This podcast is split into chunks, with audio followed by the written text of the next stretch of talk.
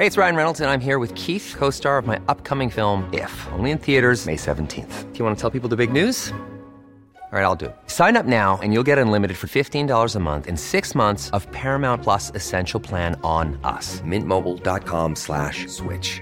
Upfront payment of $45 equivalent to $15 per month. Unlimited over 40 gigabytes per month. Face lower speeds. Videos at 480p. Active Mint customers by 531.24 get six months of Paramount Plus Essential Plan. Auto renews after six months. Offer ends May 31st, 2024. Separate Paramount Plus registration required. Terms and conditions apply if rated PG. Quality sleep is essential. That's why the Sleep Number Smart Bed is designed for your ever evolving sleep needs. Need a bed that's firmer or softer on either side? Helps you sleep at a comfortable temperature? Sleep Number Smart Beds let you individualize your comfort so you sleep better together. JD Power ranks Sleep Number number 1 in customer satisfaction with mattresses purchased in-store. And now, save 50% on the Sleep Number limited edition Smart Bed for a limited time. For JD Power 2023 award information, visit jdpower.com/awards. Only at a Sleep Number store or sleepnumber.com. Life is full of what ifs. Some awesome, like what if AI could fold your laundry? And some, well, less awesome, like what if you have unexpected medical costs? United Healthcare can help get you covered with Health Protector Guard fixed indemnity insurance plans. They supplement your primary plan to help you manage out of pocket costs. No deductibles, no enrollment periods, and especially no more what ifs. Visit uh1.com to find the Health Protector Guard plan for you. I dag er det to ting jeg gleder meg til. Oi! Det ene er din morsomme åpning, Ja. og det andre er eh, forholdsspalten. Ja, ikke sant. Da eh, begynner jeg bare med å si at eh, forholdsspalten den er faktisk eh, den er satt litt på vent. Oi. Jeg sier det allerede nå. Yes, hands down. Eh, rett og slett fordi forholdet er for bra. Du er for bra, skatten min. Ingen kjøper dette her. Det gjør ikke det. Jeg kan love mye annen moro. Og åpning, det skal jeg også ha. Og da sier jeg bare Da skal jeg lage en Jeg lager en eh, slags lyd. En slags vignett, heter det kanskje. Ja. Vinagrett.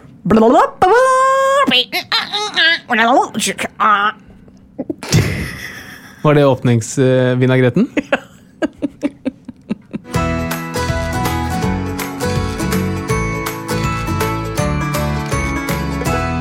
Hei, og så hyggelig at du hører på Åpen journal. Tusen takk.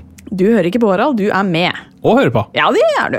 Men i dag så skal det handle om en eh, sykdom som faktisk vil ramme én av tre nordmenn før fylte 75 år. Det er kreft. Ja. Og det er jo, Harald, kanskje en av de diagnosene som kanskje veldig mange pasienter frykter når de går til legen. Ja, det er helt riktig. Det er en veldig skummel diagnose. Mye ekle symptomer. Man vet at det kan gå gærent, og behandlingen kan være ille. Så alt i alt en forferdelig sykdom. Ja, Heldigvis så øker overlevelsen for de fleste krefttyper, så det er jo på en måte en positiv utvikling. Eh, Men i dag skal vi også få besøk av en som har opplevd å miste en av sine aller kjæreste til kreften. Og det er min gode venn og programleder på God morgen Norge, nemlig Peter Bubresko. Du, Vi må jo eh, begynne med å adressere at eh, det du har brukt eh, seks år på å utdanne deg til, og det jeg eh, snart har brukt elleve år på, det medisinstudiet, det er ikke så populært lenger. Nei, det ser ut som det faller litt i popularitet. Nå er det jo andre studier som er langt mer populære. Det tror jeg er bra. Ja, Hvorfor det? Vi utdanner såpass mange leger nå at uh, vi må huske at da, går alltid, da blir alltid vilkårene dårligere. Det er tilbud og etterspørsel. Så en, på en del sykehus for eksempel, så blir jo da lønna går jo ikke opp i takt med resten av samfunnet, for du trenger ikke det. For du har alltid nok leger som vil jobbe der uansett. En, an, en del andre fordeler. Jeg så eksempel sånn seniordager. På noen sykehus hvis du er over 50 får du en fridag i året, og er du over 60 får du to dager fridager. Det forsvinner.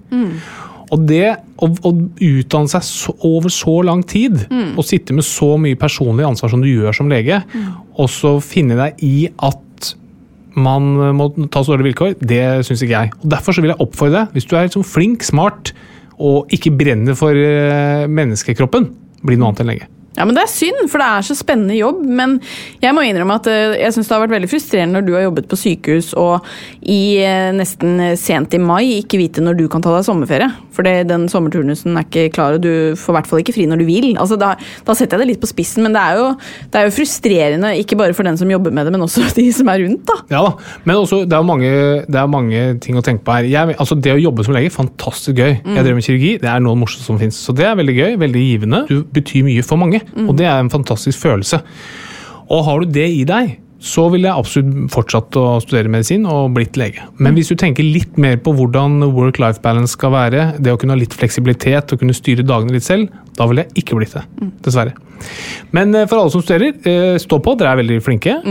Og i helgen så har jo du og jeg vært på hytta. Eh, Det er jo et av de favorittstedene vi er om dagen. Eh, fantastisk deilig. Eh, masse snø fortsatt. Eh, Du var i bakken. Eh, men du gjemte deg også litt inne på hytta, og det gjorde du for naboen vår. Ja, Vi har en nabo som heter Tom, som er en veldig trivelig fyr. Han er bare så fryktelig sprek. Ja, han er så sprek. Å, herregud. Han er liksom Han, han har jo sixpack og ser ut som han er 20. Ja. Eh, så det å svære bisere. Men det har jo en kostnad, selvfølgelig. Ja. Så det er lørdag morgen, da skal han ha med meg på en rolig joggetur. Og det er en time på 52 minutter. Og så skal han ut og gå over to mil på ski. Og det er ikke min kropp på nåværende tidspunkt lagd for. Nei, og, og han er liksom typen som også banker på når du står i morgenkåpa. og Han er på, har randonee-skia i bagen liksom, og sier er du, er du klar for å bli med på tur. Svaret da, det er ofte nei. Det er ofte nei. Og jeg må bare si at jeg er litt glad for at du ofte har liksom grunner til å ikke være med. Fordi eh, jeg tror ikke du hadde liksom Jeg tror, du hadde, jeg tror du hadde blitt lagt inn. liksom. Henta. Nei, jeg hadde faka en skade. du hadde det? Ja, så jeg hadde kommet meg ut av det greit. Men det, var litt digg å slippe. Ja, Men det er jo eh, imponerende da, med folk som nærmer seg 60 som er i så god form. Og så har du oss på 30 som sitter inne og Spise ostepop.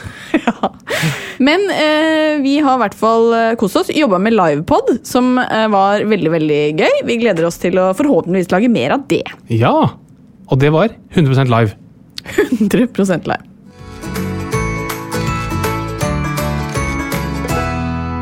Dag skal vi snakke om noe som rammer veldig mange av oss. Eh, For før fylte 75 år så har faktisk én av tre nordmenn fått minst én kreftdiagnose. Og det høres jo ut som et skremmende høyt tall, og det er jo noe det også er. Men heldigvis er kreftdødeligheten på vei ned, og overlevelsen øker. Faktisk så overlever nærmere tre av fire sin kreftsykdom i fem år eller mer. Men Harald, forklar hva er kreft? Jo, altså Kroppen vår består jo av celler. Og disse cellene de driver hele tiden og deler seg, sånn at vi holder oss friske og at cellene skal fungere. Men det er jo ganske mange mekanismer som forteller disse cellene når de skal dele seg, og når de skal dø. Derfor det må hele tiden være en balanse av hvor mange celler som blir laget, og hvor mange som dør. Og selvfølgelig, Disse mekanismene er jo veldig veldig viktige for at vi skal holde oss friske, og at vi alltid har ferske celler i, i kroppen. Men hvis cellene begynner å vokse ukontrollert, da får vi kreft. Og det kan enten være at de bare deler seg veldig mye raskere enn normalt, så du får veldig, veldig mange celler, eller det kan være at de ikke dør når de skal. Da får du altså det samme resultatet. Det blir for mye av en viss type celler, og da begynner vi å snakke om kreft. Men jeg syns ofte det er øh, forvirrende øh, med disse ordene som man snakker om. Fordi vi snakker om kreft, tumor, svulst. Kan du forklare forskjellen? Ja, altså Svulst og tumor det er det samme. Det betyr bare egentlig en klump av celler. Men denne klumpen av celler de kan enten være godartede eller ondartede. Og godartede det betyr at denne klumpen av celler, altså cellene deler seg litt for mye av en eller annen grunn, de spiser seg ikke inn i noe annet vev, og de sprer seg ikke. Det er bare én liten klump som ligger et eller annet sted, altså godartet. Og eksempler her det er for myomer, eller sånn muskelknuter i, i livmoren, eller for så vidt vorter også. er litt samme mekanisme her. Men hvis disse cellene som det da begynner å lages for mye av, hvis de har egenskaper som gjør at de spiser seg inn i annet vev, eller at de kan spre seg til andre steder på kroppen, da er den ondartet. Og hvis du har en ondartet svulst, eller en ondartet tumor, da er det kreft. Så godartede svulster de er bare farlige hvis de klemmer på viktige ting. For de spiser seg ikke inn hos deg, de bare tar plass. da. Mens kreft, altså ondartet svulster, det er alltid farlig. Så vi hadde en gjest her, Lisa Tønne. Hun hadde en godartet svulst i hjernen. Det er sånn i utgangspunktet ikke noe farlig før den blir så stor at den begynner å klemme på hjernen. Da må du gå inn og operere den. Mens hvis du har kreft i hjernen, det er alltid farlig, for den spiser seg jo da inn i hjernen. Med på den? Forskjellen på godartet og donartet. Så igjen, hvis vi tar en godartet svulst, den er veldig enkel å fjerne. For du kan skjære mellom svulsten og det vevet den ligger i.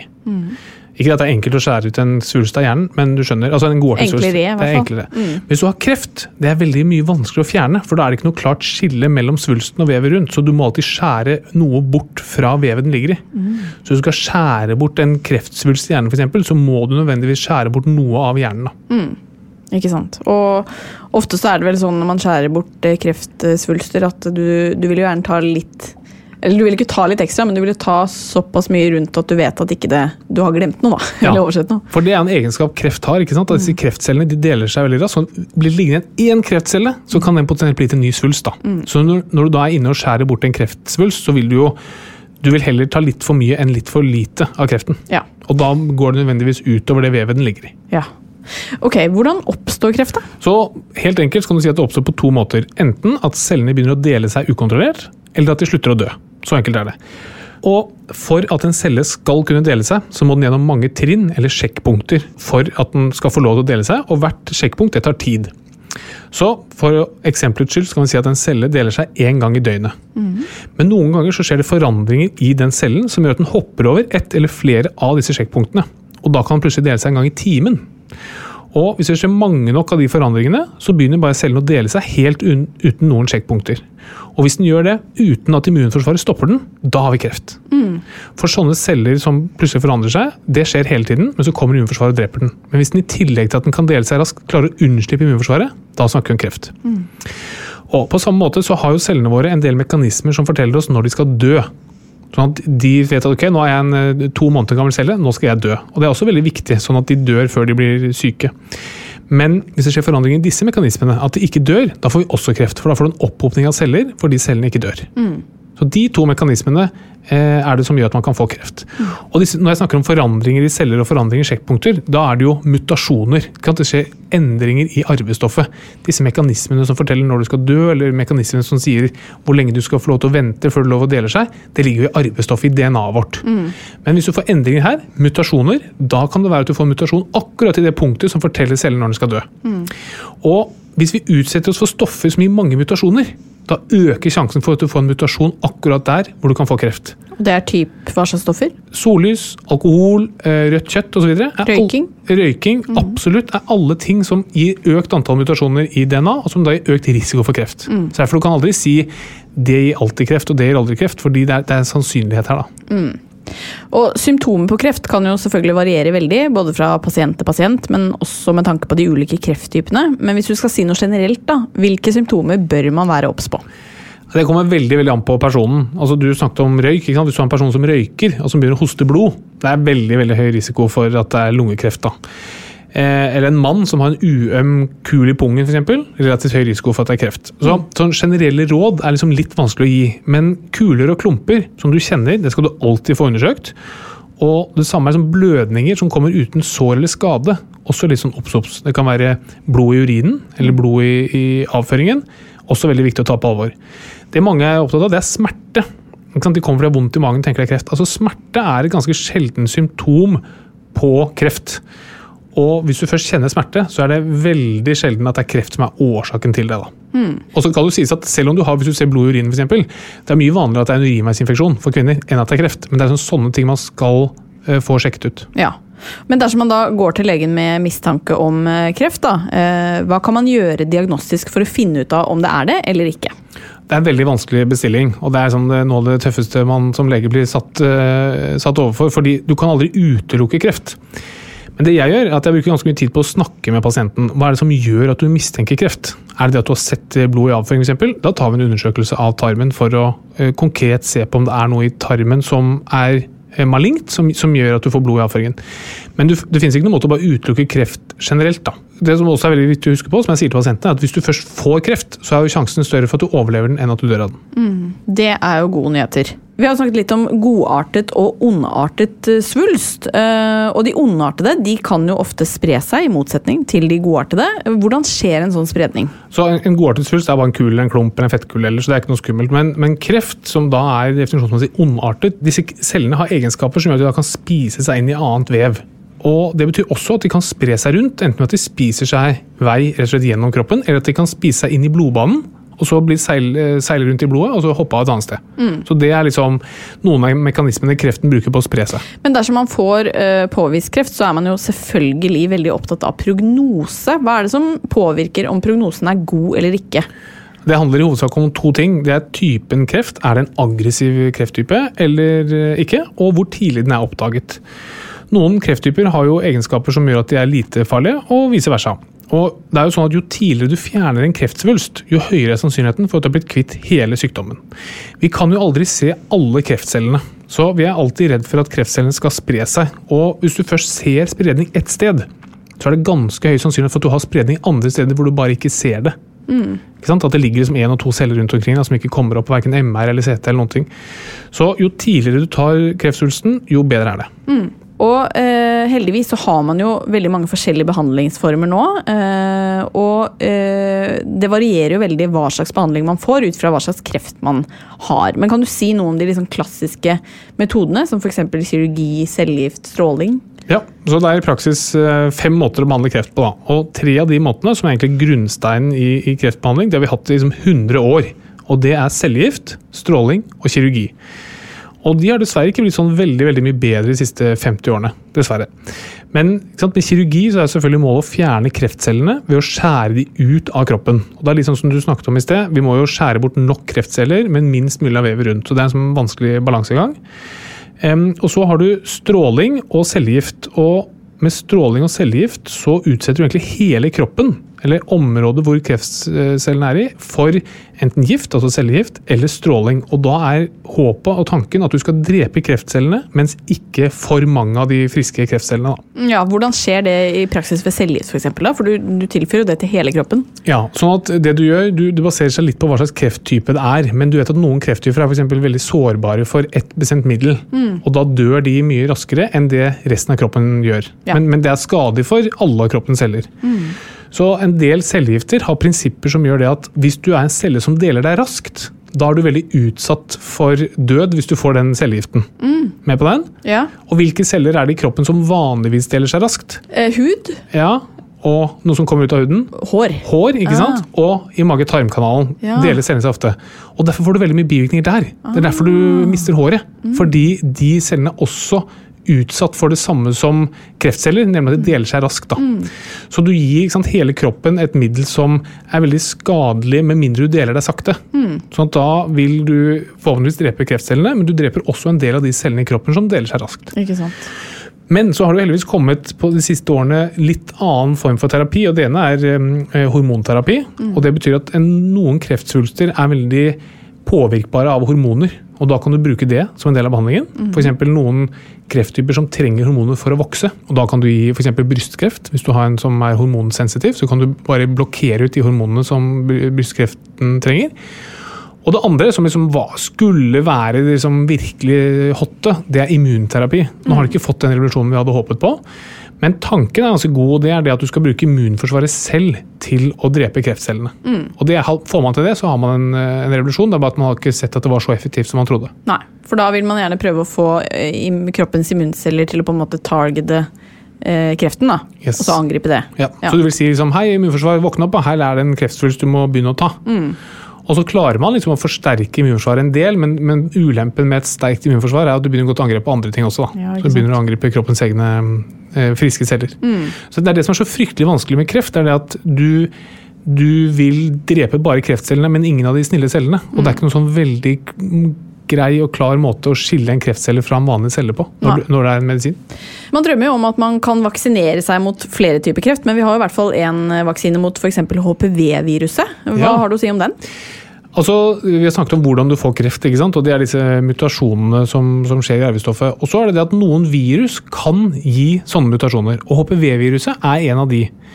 Og Det betyr at hvis du utsettes for HPV-viruset, så eh, får du en infeksjon, og den infeksjonen kan føre til mutasjoner, som igjen kan føre til kreft. da.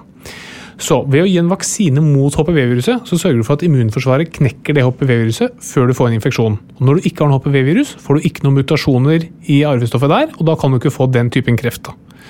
Alle mm, kvinner anbefales jo nå å gå mm, screeningprogrammet for livmorhalskreft.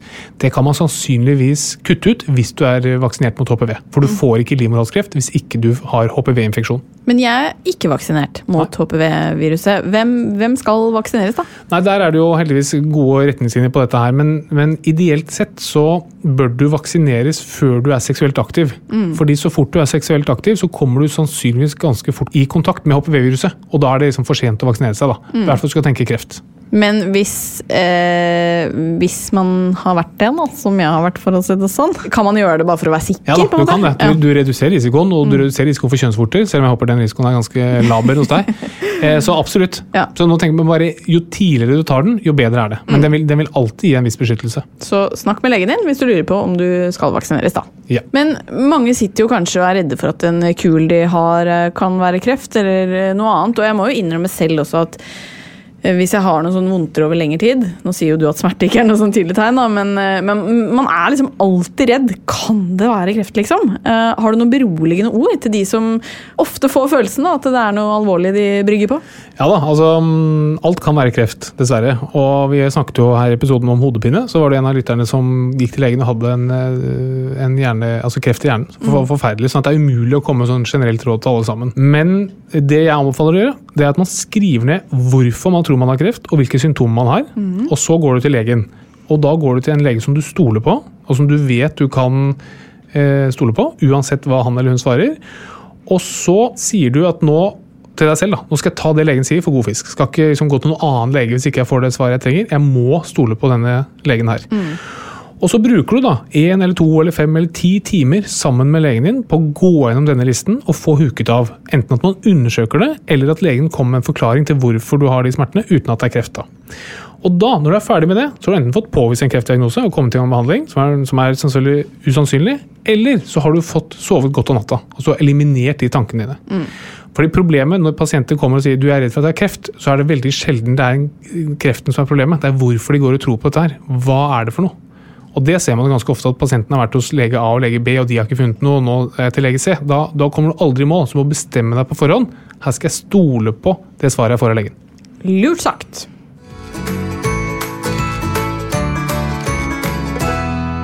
Vi har som vanlig med et eh, lytterspørsmål, og eh, det er bare å fortsette å sende inn på Åpen journal sin Instagram-konto. Eh, dagens spørsmål lyder som følger. Hei, jeg hørte episoden om pollenallergi, og jeg lurer på om det rett og slett er en myte at man bør begynne på medisiner i god tid før pollensesongen. Selv har jeg ofte tatt medisin hele april og mai, selv om allergien inntreffer først i mai. Ja, det er et bra spørsmål. Eh, og det burde du, ja. Du burde begynne litt før, det, litt før allergien kommer i gang. Og det har litt å gjøre med at når, når pollenene først kommer, så da aktiveres jo hele immunforsvaret. Så hvis du kan slippe hele den der aktiveringen, så vil det være veldig fordelaktig. Men du trenger ikke å begynne om særlig mer enn en uke eller to i forveien. Det er ikke noe vits. Kanskje én uke. Ja, Den er grei. Jeg elsker når vi avliver myter. Eller vi bekrefter den jo. Ja, det var vel heller ikke en myte. Det er et medisinsk råd. ja, det er sant.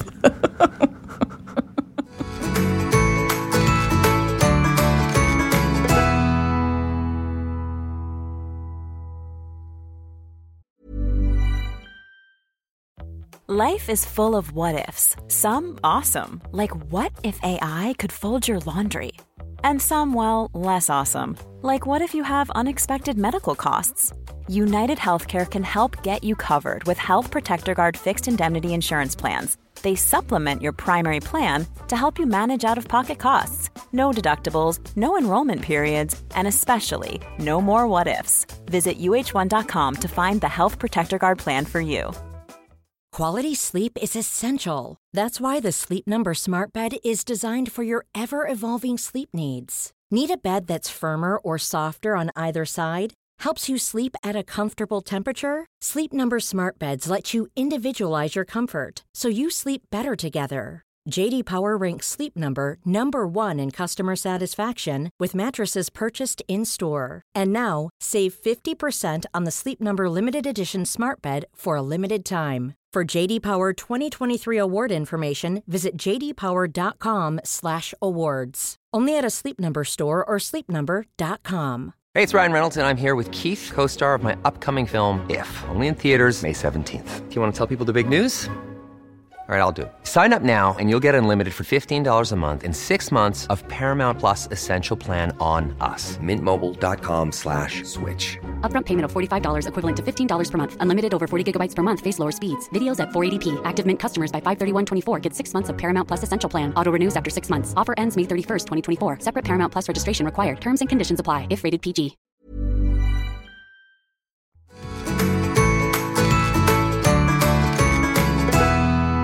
Denne uka så har jeg gledet meg spesielt mye, fordi vi skulle få besøk av eh, en av mine gode venner og kollegaer gjennom mange år. Peter, velkommen skal du være. Takk. Og for dere som ikke kjenner igjen stemmen, så er jeg helt sikker på at dere kjenner igjen eh, ansiktet, fordi du er jo en del av morgenen til jeg vil si hele den norske befolkning Ja. på God morgen Norge. Det er litt vanskelig for podkastlyttere å kjenne igjen fjeset her, men eh, Kan jeg prøve å beskrive det litt? Fordi du Harald, eh, rett før vi gikk på her, så var du jo helt imponert over eh, hvor ung Peter ser ut. Ja, jeg hadde gjetta på kanskje sånn 35. er det sant? Ja. Men da er jeg jo nesten like gammel som deg. Og jeg er lege. Ja. Jeg, jeg er 32. Men Katarina og jeg begynte å jobbe sammen i her for mange år siden. Hvis du ser bilder derfra Ja, Da mener jeg at du ikke har endret deg. Jo, men det har jeg. Nei. Jo. Nei. Jo, Nei. jo. jo. Men det er ganske lenge siden, nå, er det ikke det? Jo, 13 år eller 11? 12? 2008. Er det så lenge siden? Det var et veldig Herregud. kult navn, da. Hva skjer da? Ja, ja, det er helt umulig å skrive. da så Hvis noen hadde lyst til å google det, så var det jo totalt umulig å finne oss på nett. Herregud. Men det var veldig gøy. Altså, Ja, det var bare- det er kanskje ikke alle som fikk det programmet med seg, men det er, jeg tror nesten det er noe av det morsomste jeg har laget. For vi hadde altså så frie tøyler. Altså for å si det sånn, Vi ble jo nominert til Gullruten for beste barne- og ungdomsprogram. Og vi har vel ikke blitt nominert siden. Nei, det er helt riktig. Så vi pika jo i 2008. Ja. Men det var jo sånn at man kunne liksom si sånn Du, jeg har litt lyst til å fly jagerfly. Er det mulig å lage et innslag på? Ja, det er bare å lage Ja. et innslag på. Sånn var det. Vi har et jagerfly her som står klart til å hoppe i. Var det sånn? Nei, Ikke helt. Ah, Men du har det kanskje litt sånn fortsatt? Med God morgen Norge kan man jo finne på mye gøy. Ja, ja, ja. Kan egentlig gjøre hva som helst da også. Mhm. Du kan, hvis du har lyst til å Få blomster av Finn. få blomster av Finn, Ja, men jeg har sett deg eller for eksempel teste Norefjell spa eller noe sånt. Jeg vet ikke om det var i forbindelse med jobb. Nei, det var privat. Men, men, men, men hvis for eksempel jeg Sånn som nå, da, så, så har jeg, føler jeg at jeg har kommet på et såpass høyt nivå som langrennsløper etter dette, denne koronavinteren. Ja. Er at jeg har tenkt da at jeg nå, nå skal jeg ta et steg opp og kjøpe skøyteutstyr. Oi. Eh, og da kunne jeg for eksempel foreslått Ja. hmm, Kanskje det er andre som har interesse av det. Kan vi ikke ringe Marit Bjørgen, og så kan, hun, eh, kan vi lage en liten serie hvor hun lærer meg å skøyte? Og så får vi til det. Den er så fin, den der, altså. Mm. Marit, hvis du hører på, Ja, DM Peter. nettopp. Men du er jo kanskje den som under pandemien har hatt en tilnærmet liksom ganske normal hverdag. Fordi du har fortsatt å jobbe og sånn. Ja. Eh, hvordan syns du det har eh, gått det siste året? Hvordan har du det nå? Nei, jeg har det ganske bra, egentlig. Altså, Jobbmessig så er jo hverdagen min helt lik. Jeg lever et koronaliv. For at jeg, altså jeg sitter jo bare mutters alene og jobber hver eneste dag. Ja. Hjemme. Når jeg ikke er i studio. Eh, og det samme gjør jeg jo nå. Så for meg har det ikke forandret seg noen ting. Så det har jo gått bra, men så har jeg tvillinger da, på fire år. Så når det, liksom barnehagen stengte i starten, den var jo Det var ikke så gøy.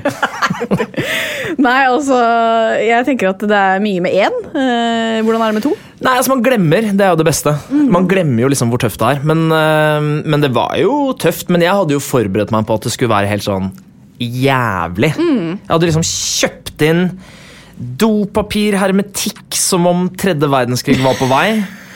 Eh, og tenkte, jeg mener det, tenkte sånn, jeg kommer ikke til å forlate huset på et år, kanskje. Og så var det sånn, ti minutter inn så var jeg på butikken og kjøpte. Altså, ikke sant? Så Kjøpte det med var, enda mer dopapir. enda mer dopapir. Det var ikke noe ille i det hele tatt. Nei, Nei så det har jo Men jeg, så, så, sånn sett så gikk det jo bedre enn jeg hadde fryktet. Og nå er det jo Jeg vil ikke si en drøm, men det er jo en Det er jo mye lettere. For de er jo to stykker som er bestevenner, som vil det samme. Samme alder. Og under korona og sånn. det er alltid en venn. Ja, det hjelper nok. Ja. Men tror du det er lurt å ta bare, hvis man vil ha to barn, da, og bare få gjort samtidig? Tror du det liksom var taktisk lurt? Jeg tror, du, eh, jeg tror det er selvfølgelig tøffere i starten, og, så, og så kommer fordelene. Og det var jo det folk sa til oss. Hold ut i tre år. Nei, de sa to år, men det tok tre. oh, nei. Og så kommer, og så kommer fordelene. Ja. Ja. ja, for vi er Ja, litt Fordelene de sånn betaler ikke skatt og bidrar sikkert ikke sånn veldig mye på hjemmebane heller. Nei, men du får jo for eksempel, altså Hvis du vil ha tvillinger, så får du jo, får jo rabatt i barnehagen. Du får, jo? Ja, ja. Noen Ja, også sånn bleiepakker er sikkert For de bruker samme størrelse i bleier òg. Ja, ja. Og kan, hvis det er sånn to for én-tilbud, så Ja. Den er fin. Du får jo tvillingrabatt på liksom, Babyshop, Barnas Hus. Oi! Heter det tvillingrabatt? Mm. Fordi du man har tvillinger? Nei, hvis du melder deg inn i Tvillingforeningen. Kan, å ja, for jeg skulle si, Ah, okay. kan man, men kan du fake det? Altså, er det noen som sjekker at du har tvillinger? Det er litt flaut å bli tatt. Det er jeg enig i. Det det, altså, det er ganske lett å lage to, bilder av Bernhard og så to forskjellige antrekk. da. Ja, det er genialt! Ja, Lykke til. Men det var veldig deilig å få deg på besøk da jeg eh, akkurat hadde fått Bernhard. For da var du liksom inn, og det, var bare sånn, det kom eh, råd på rekke og rad som var bare sånn eh, Er det noen som spør om du vil ha hjelp til noe, svar alltid ja. Det rådet har jeg tatt med meg. Ja. Bare sånn, og jeg var sånn, ja, men Hvis jeg ikke har lyst på liksom, middag den dagen Nei, bare sånn, si ja. Alltid si ja. Ja, Ikke, ikke noe å skamme seg over. Nei. Ja. Så det praktiserer jeg jo. Men uh, du tilbyr jo generelt veldig lite hjelp. Da. Ja, Så- jeg har jo liksom, også lært meg at du alltid sier ja, så jeg har bare sluttet å spørre. Smart. Men um, vi må jo innom dagens tema, Peter, for vi har snakket litt om kreft før du kom. Ja. Eh, og eh, du har jo virkelig fått oppleve den sykdommen tett på kroppen. Eh, for du mistet mammaen din. ja. Og en av mine beste venner, faktisk. Da vi gikk på videregående. Er det sant? Ja, Leukemi. Tok et år. Ferdig. Ja.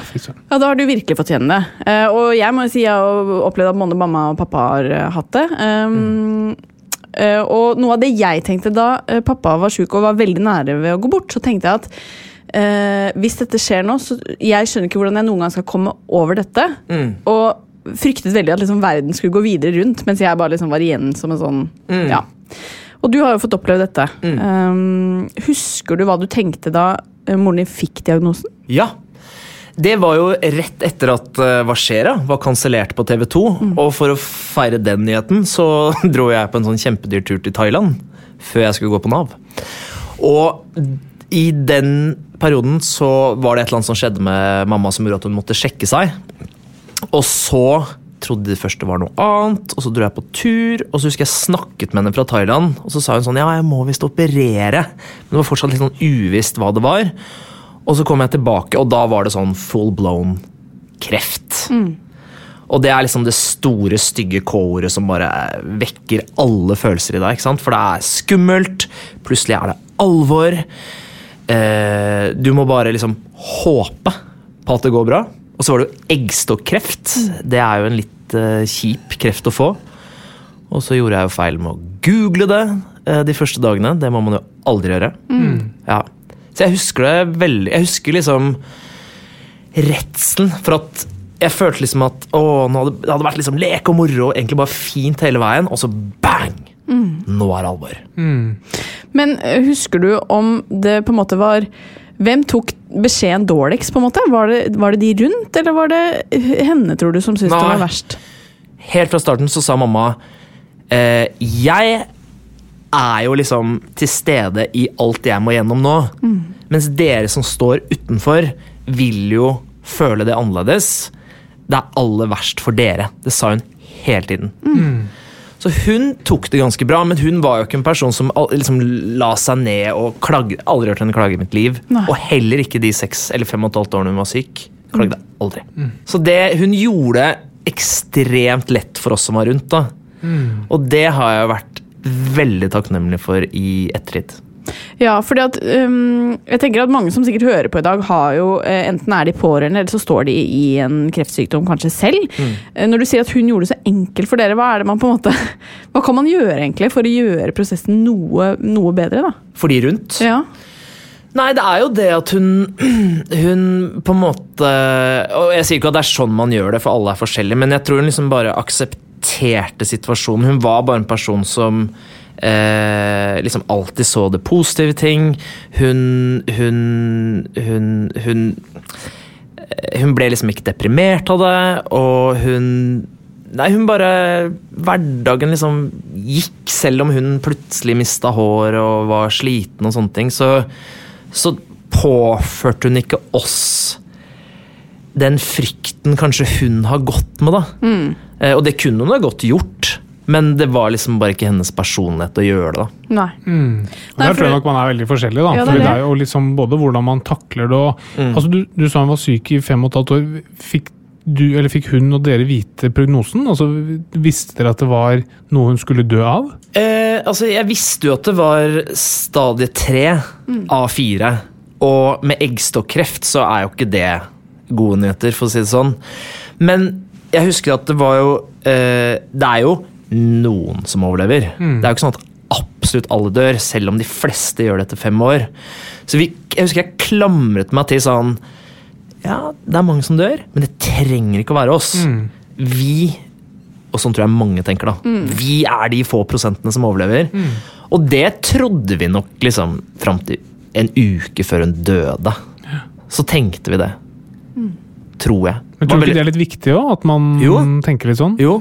Men så blir man litt sånn gæren. Og jeg husker jeg ble Jeg er jo ikke spesielt troende, men jeg husker at jeg nesten begynte å være sånn Kanskje ikke kjære Gud, men det var sånn Vær så snill, liksom, la henne overleve. La. Og jeg husker jeg, te jeg tenkte på det spesielt Jeg hadde sånn eh, setning jeg sa spesielt når jeg kjørte forbi Radiumhospitalet.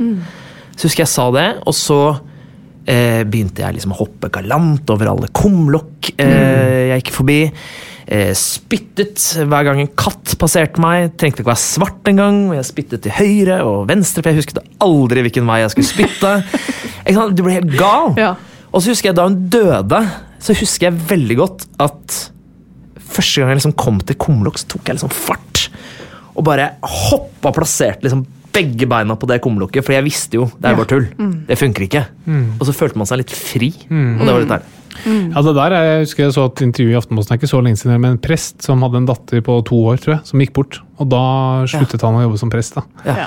For det der med å liksom sette det i sammenheng, og hvor urettferdig det er, og håpløst det er, det er forferdelig mange følelser i sving. Og det, dette er med den liksom, blandingen av å ha håpet og si at jeg er de som skal overleve. Det, er- noe litt sånn tveget sverd også, fordi man ser ofte sånn tapte kampen mot kreft, f.eks. Det er en sånn overskrift som brukes. Så det, det er sånn underforstått at man har ikke kjempet hardt nok, eller at man har liksom ikke man har gjort noe gærent. da, Eller fordi du tråkket på det kumlokket. Jeg tror også man skal være ganske bevisst på.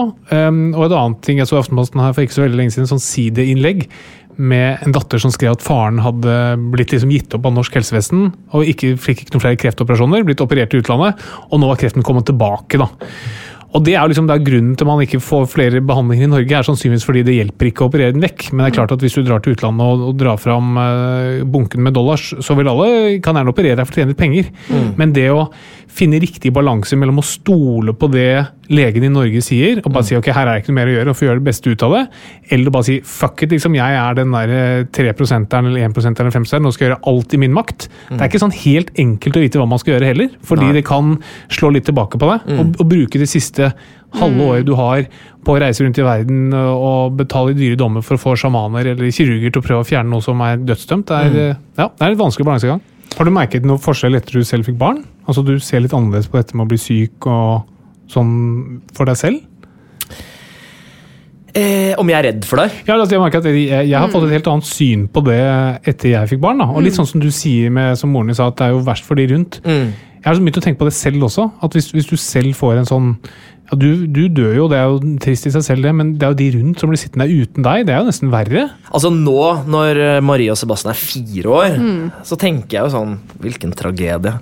Men de hadde jo klart seg helt fint, det vet Ja. jo jeg òg. Men, men, men mest av alt kanskje at ikke jeg også får være med på, på reisen videre. Det sa jo mamma også. Hun hadde så innmari lyst til å være med videre. Ikke sant? For det var jo så mye igjen. Og det var så mange barnebarn igjen. Og så mye gøy igjen. Så det ville jeg jo tenkt. Men man blir jo eh, Jeg håper jo i hvert fall jeg liksom klarer å overleve fram til barna mine er liksom voksne nok. Jeg syns det er helt forferdelig hvis de skulle miste oss, da, eller meg, nå i en alder av fire år. Altså, De kommer ikke til å huske meg engang. Nei, jeg skjønner hva du Ja. mener. Ja, da, man, man får veldig mye, men jeg, jeg prøvde å være sånn bevisst på hva jeg selv tenker rundt hva jeg selv tenkte om barn, også før jeg fikk barn.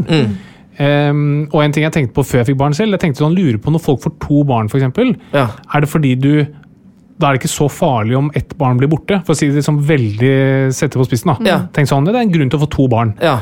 Men nå, nå, nå, ser jeg fått barn, så skjønner jeg bare at hvis du får to barn, så blir det bare, alt bare dobbelt så skummelt. Ja. Altså, du, du, har- du har ikke en reserve, Nei, nei, nei, du bare du er sånn dobbelt så utsatt for at det skal se noe skummelt. Ja, ja. Og jeg tror disse mekanismene, dette glemmer du nok litt sånn etter hvert. Mm. Jeg husker også sett på den Madeleine McCann-saken, forferdelig. Tenkt sånn Fy søren, de foreldrene som er der ute liksom år etter år, liksom, come Mm. on, liksom. Det er forferdelig. Nå tenker jeg bare sånn, jeg hadde gjort akkurat samme ting. Ja, ja. jeg skjønner, liksom. bare Ja, ja.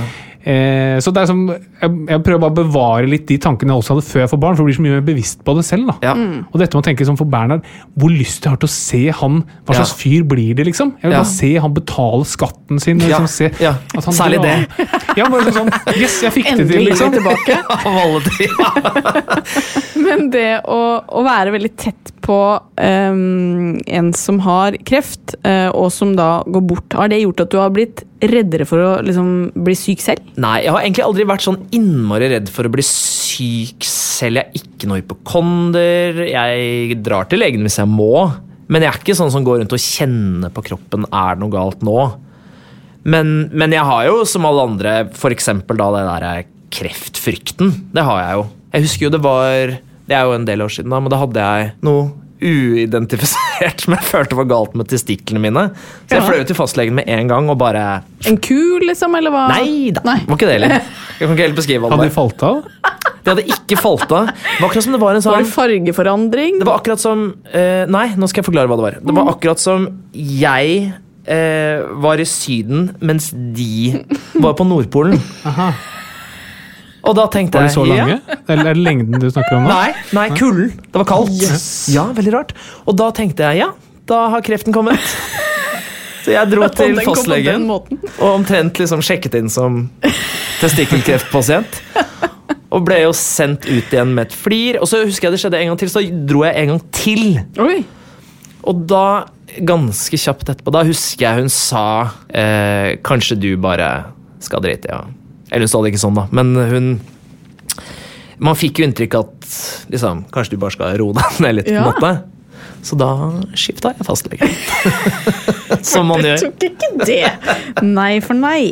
Men det, vi har snakket litt om akkurat det der, for det det er en sånn hårfin balansegang som lege. ikke sant? Ja. Fordi veldig ofte så trenger man bare å høre det, sånn, sånn Mm. skjerpings liksom. Men du må si det på en måte som gjør at du velger faktisk å stole på vedkommende, og ikke bytte fastlege. da. Fordi det er ganske Ja, mange som, ja. som kommer inn med sånn, nå er det ditt og nå er det datt, og til slutt må man si sånn, du, ro ned liksom, nå bare, dette her, det er ikke kreft, ferdig med det. Men du må gjøre det på en måte som gjør at, at de tenker sånn, ok, ja, men fint, Ja, og du må jo undersøke det. For, Opplevde du at liksom de Titta de på syklene, liksom? Eller Ja, var det helt sånn? liksom, som blikk, liksom. Det var nok til at jeg følte at jeg var i livsfare. Skiftet fastlege. Jeg har gjort det siden nå, altså, men ikke så mange ganger. Kanskje fire ganger. Men hva gjorde, hva, hva gjorde den nye legen med testiklene dine? Nei, da, Jeg har ikke opplevd det siden. Nei, så du hjalp å bytte fastlege? Ja, Det var, eh, det var det som var problemet. Men du har bytta fastlege fire ganger, Petter. Ja. Du, du er sånn pasient man ikke vil ha på lista si. Ja, da, ja. Nei, hvis jeg er sånn, tenker sånn Denne personen skjønner ikke mine behov.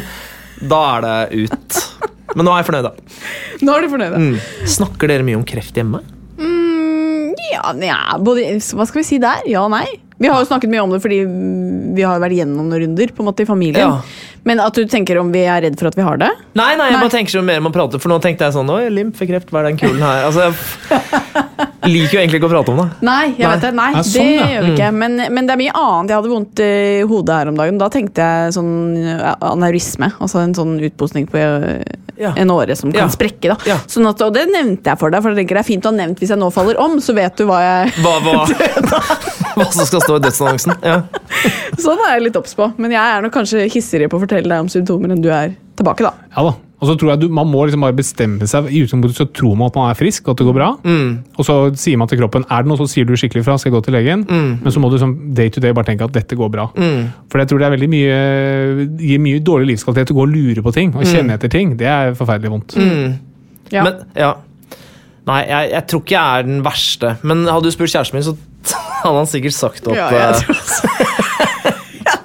Ja, jeg tenker Senest i går når jeg hadde vondt i skulderen, så følte jeg sånn Er det ikke en klump der også? Og jeg er svimmel.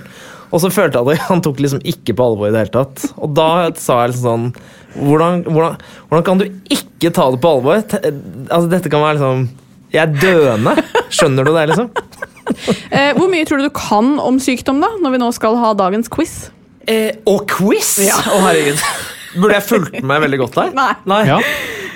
Men du har jo et ekstremt konkurranseinstinkt, da, så dette kan bli gøy. Eh, nei, jeg tror ikke jeg kan så mye om sykdom, sykdom egentlig. Jeg kan jo da litt om kreft, da, dessverre. Eh, men eh, jeg tror ikke jeg kan sånn kjempemye om sykdom. Det er nok ikke det, det er ikke Det er kanskje ikke meg du ringer når du er syk, ass. Det er ikke nødvendigvis motstanderen din i quizen du ringer heller når du er syk. Ja, si ikke det. Sier ikke det. Jeg har vært ganske flink de siste gangene. Har du det? Ja. Dette er en veldig seriøs quiz i dag. Oi, er Så det Får, det? ja, bare okay. å bryne seg skikkelig. Oh, ja. Ja. Nå kjører vi quiz.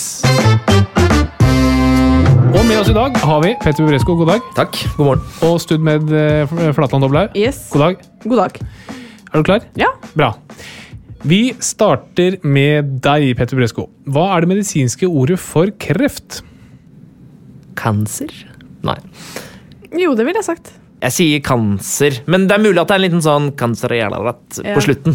Hva sier du? Um, ja, jeg sier det. Ja, cancer er helt riktig. herregud. Ja, Veldig bra. Ja, ja. Ok, Flatland Doblaug. Hva betyr kanser? Eh, Det betyr ukontrollert, eh, ukontrollert vekst. Petter? Ja, jeg kan godt si det, men jeg kan jo si noe annet da, for å gjøre quizen litt spennende. Ja. Eh, da, du sa ukontrollert vekst. Ja. Eh, Skal jeg si celledeling, ja da? Okay, er det noen som snakker engelsk?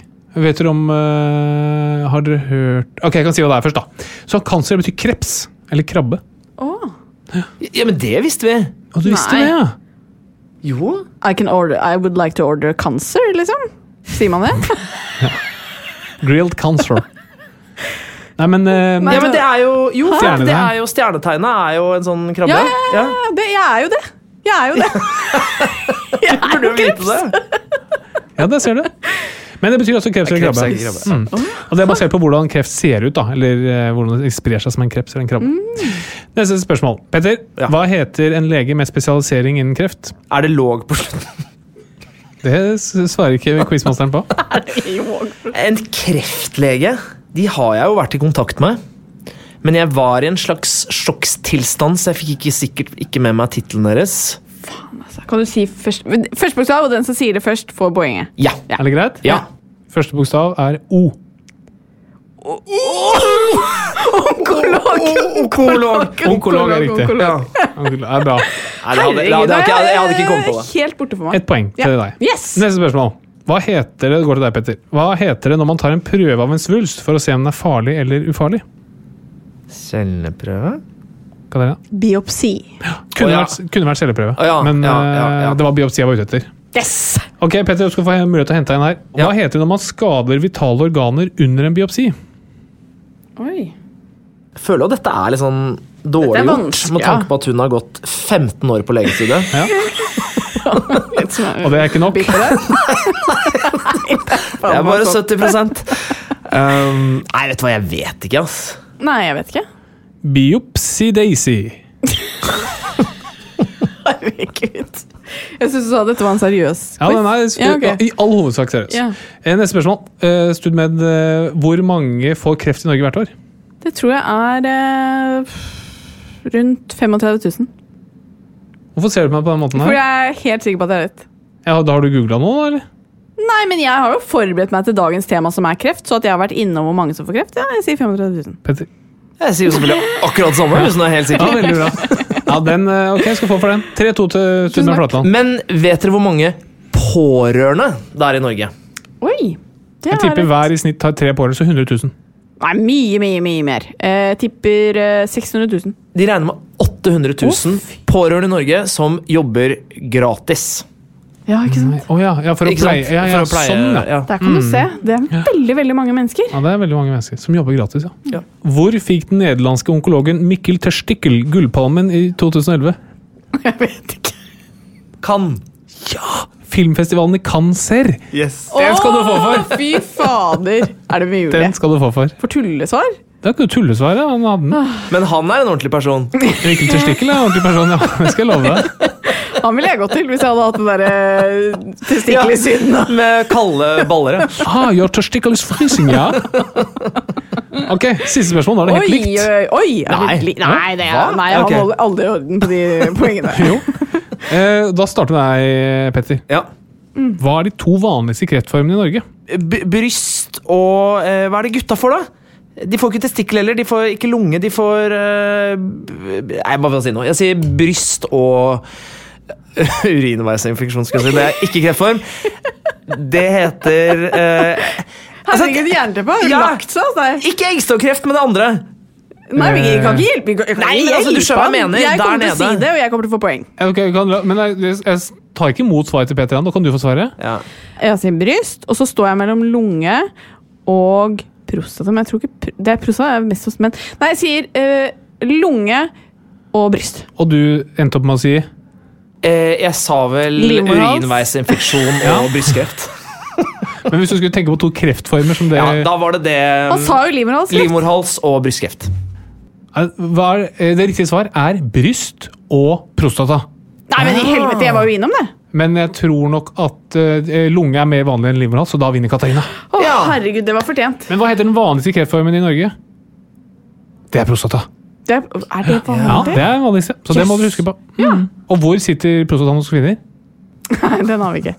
Er du sikker? Jeg er helt sikker. Er ikke lenge siden du ikke visste det. Nei, jeg var lurte litt på om vi hadde den. Altså, Jeg hadde svart når du stiller Ja, det sånn, så hadde jeg Ja. jo svart i øret eller altså et eller annet. Men du svarte også urinveisinfeksjonskreft, så Men dette var imponerende, Katarina. Tenk takk. du, du kom ett poeng bak en som har studert medisin i 15 år. Ja! Altså, det er jo fantastisk. Men uh, før vi avslutter, så pleier vi alltid å få et uh, lite råd til eh, Bernhard. Uh, hvordan han skal bli en fin fyr, Petter. Hva er ditt beste råd til han? Eh, det er sikkert masse som er sagt allerede. Jeg tenker eh, Den beste gaven dere kan gi til Bernhard, er ikke å gi han nødvendigvis god selvtillit, men å sørge for at han får god selvfølelse og kjærlighet. Og da har du en fin gutt Ja, Det har jeg. jeg så lyst til. Akkurat Ja, det der håper Det jeg tror jeg, vi jeg tror det er det viktigste du kan gi folk. At Ja. de vet at de er elsket, og at de er som trygge på seg selv.